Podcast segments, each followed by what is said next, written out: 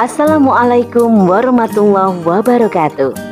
Sahabat podcast Narasi Pos Media, kembali lagi bersama saya, Yeni, kali ini dalam rubrik Medical. Berikut selengkapnya.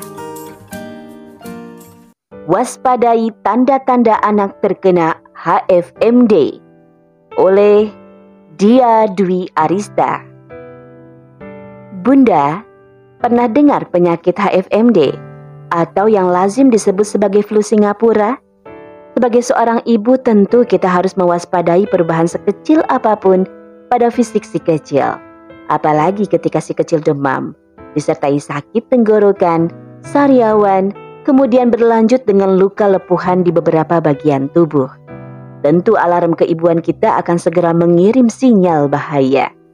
HFMD adalah singkatan dari hand, foot, dan mouth disease yakni penyakit akibat dari infeksi virus yang menyerang anak-anak usia 1 hingga 10 tahun. Meski orang dewasa juga bisa terjangkit, namun hal itu adalah kasus yang jarang terjadi.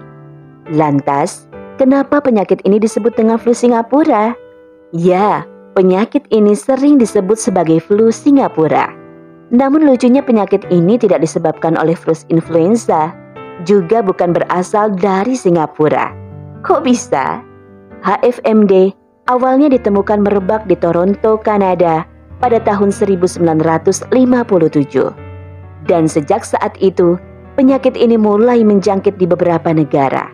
Bahkan pada tahun 2000-an, HFMD pernah mewabah di Singapura hingga dikabarkan jatuh korban jiwa. Sejak saat itu, Indonesia mengenal HFMD sebagai flu Singapura. Cukup unik ya. Penyakit ini umumnya disebabkan oleh kelompok enterovirus.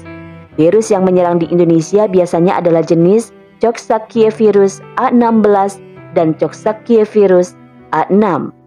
Ditemukan pula dalam beberapa kasus, enterovirus 71 menjadi penyebab flu Singapura. Infeksi virus ini tergolong sangat menular. So bunda, jika ada gejala segera lakukan karantina. Virus ini akan mendiami cairan di dalam hidung, tenggorokan, air liur, kotoran, juga cairan dari lepuhan. Dan seseorang bisa tertular penyakit ini jika melakukan kontak langsung dengan cairan-cairan tadi.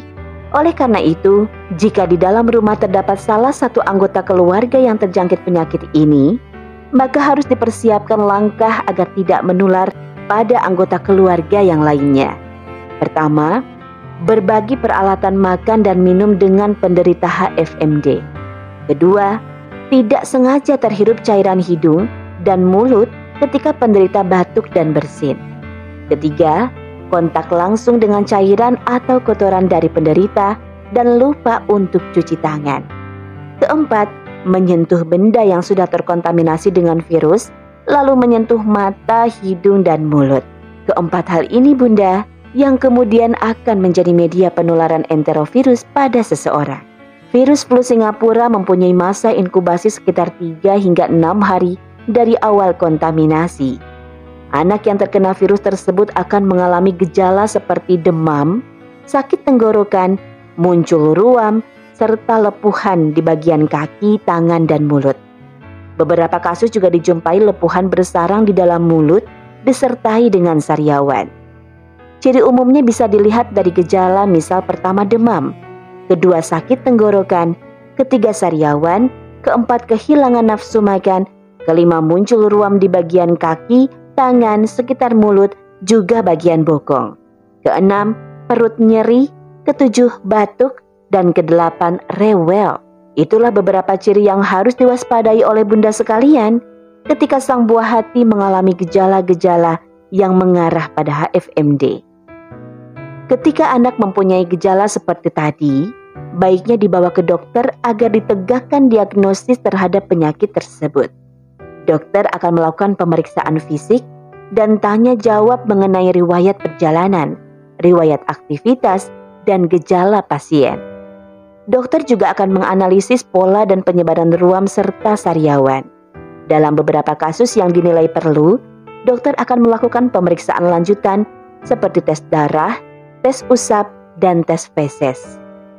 Dikarenakan HFMD adalah penyakit yang disebabkan oleh virus dengan sifat self-limiting disease, maka meski tidak diobati virus ini akan sembuh dengan sendirinya. Biasanya gejala akan mereda pada 7 hingga 10 hari, namun berapa lama kesembuhan tergantung dengan kondisi anak. Sebab virus akan cepat musnah ketika imun tubuh anak dalam keadaan baik. So, meningkatkan daya tahan tubuh atau imun anak akan sangat membantu dalam masa penyembuhan. Terkait dengan gejala demam, batuk, sariawan, dan hilang nafsu makan, maka bunda perlu mengobati gejala yang timbul saja, seperti memberi parastamol untuk menurunkan demam, obat sariawan untuk menyembuhkan sariawan, dan lain sebagainya. Kabar buruknya, meski virus ini dinilai tak terlalu berbahaya, namun terdapat beberapa kondisi meski jarang terjadi, yang menyebabkan komplikasi antara lain pertama dehidrasi.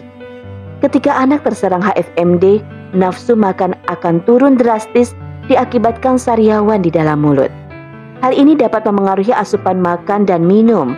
Oleh karena itu, anak yang menderita flu Singapura harus dipastikan kecukupan cairan di dalam tubuhnya agar tidak menimbulkan dehidrasi parah. Kedua, encephalitis. Biasa disebut dengan radang otak. Penyakit ini biasanya timbul karena infeksi oleh bakteri atau virus. Anak penderita flu Singapura yang dibiarkan tanpa penanganan tepat dapat menimbulkan komplikasi ini. Ketiga, meningitis, yaitu peradangan pada selaput pembungkus otak. Penyakit ini juga disebabkan oleh infeksi bakteri, virus, atau jamur. Yang keempat, miokarditis, yakni peradangan pada lapisan tengah dinding jantung. Yang kelima, paralisis atau kelumpuhan. Yang keenam, onychomadesis, yaitu termasuk masalah kuku yang kompleks.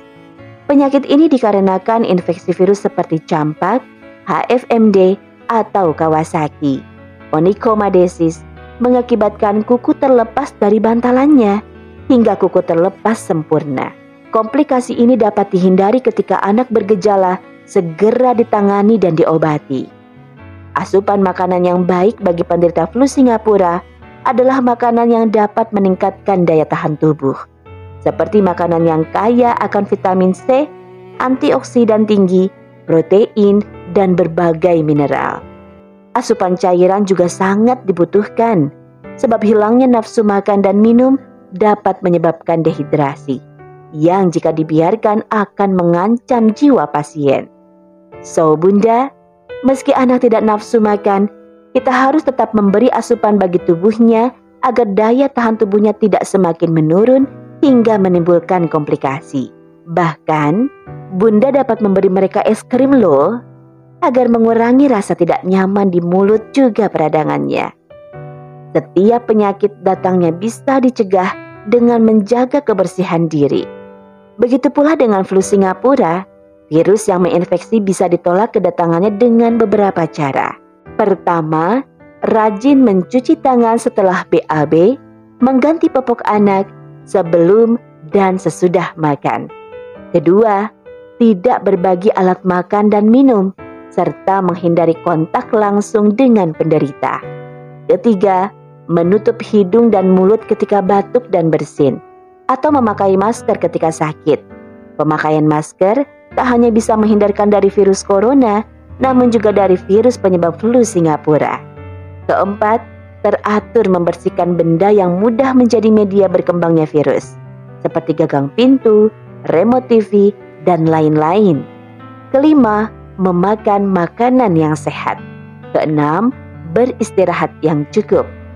Demikianlah beberapa cara yang dapat Bunda praktikan agar Ananda senantiasa sehat dan terbebas dari segala virus yang menginfeksi. Sebab pencegahan lebih baik dari pengobatan. Dalam Islam sendiri, kaum muslim dituntut untuk hidup sehat, yakni salah satunya dengan makan makanan yang halal dan tohib, serta menjaga kebersihan dan kesucian diri.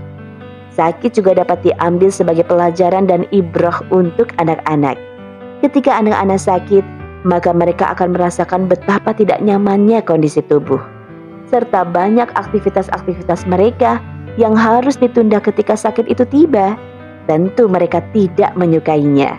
Maka, kita sebagai orang tua wajib memberi mereka arahan dan pelajaran bahwa sakit itu datangnya dari Allah Subhanahu wa taala dan Allah pula lah yang akan menyembuhkan mereka.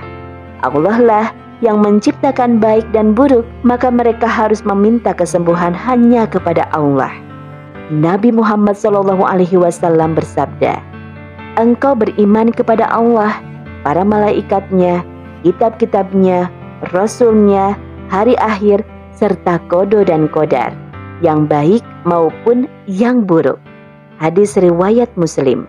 Tentu kesembuhan tersebut bisa diusahakan melalui perantara. Misal, berobat ke dokter dan minum obat. Bunda juga dapat mengajari anak-anak agar senantiasa menjaga kebersihan diri dan lingkungan agar virus jauh dari jangkauan. Wallahu a'lam. Narasi pos cerdas dalam literasi media, bijak menangkap peristiwa kunci.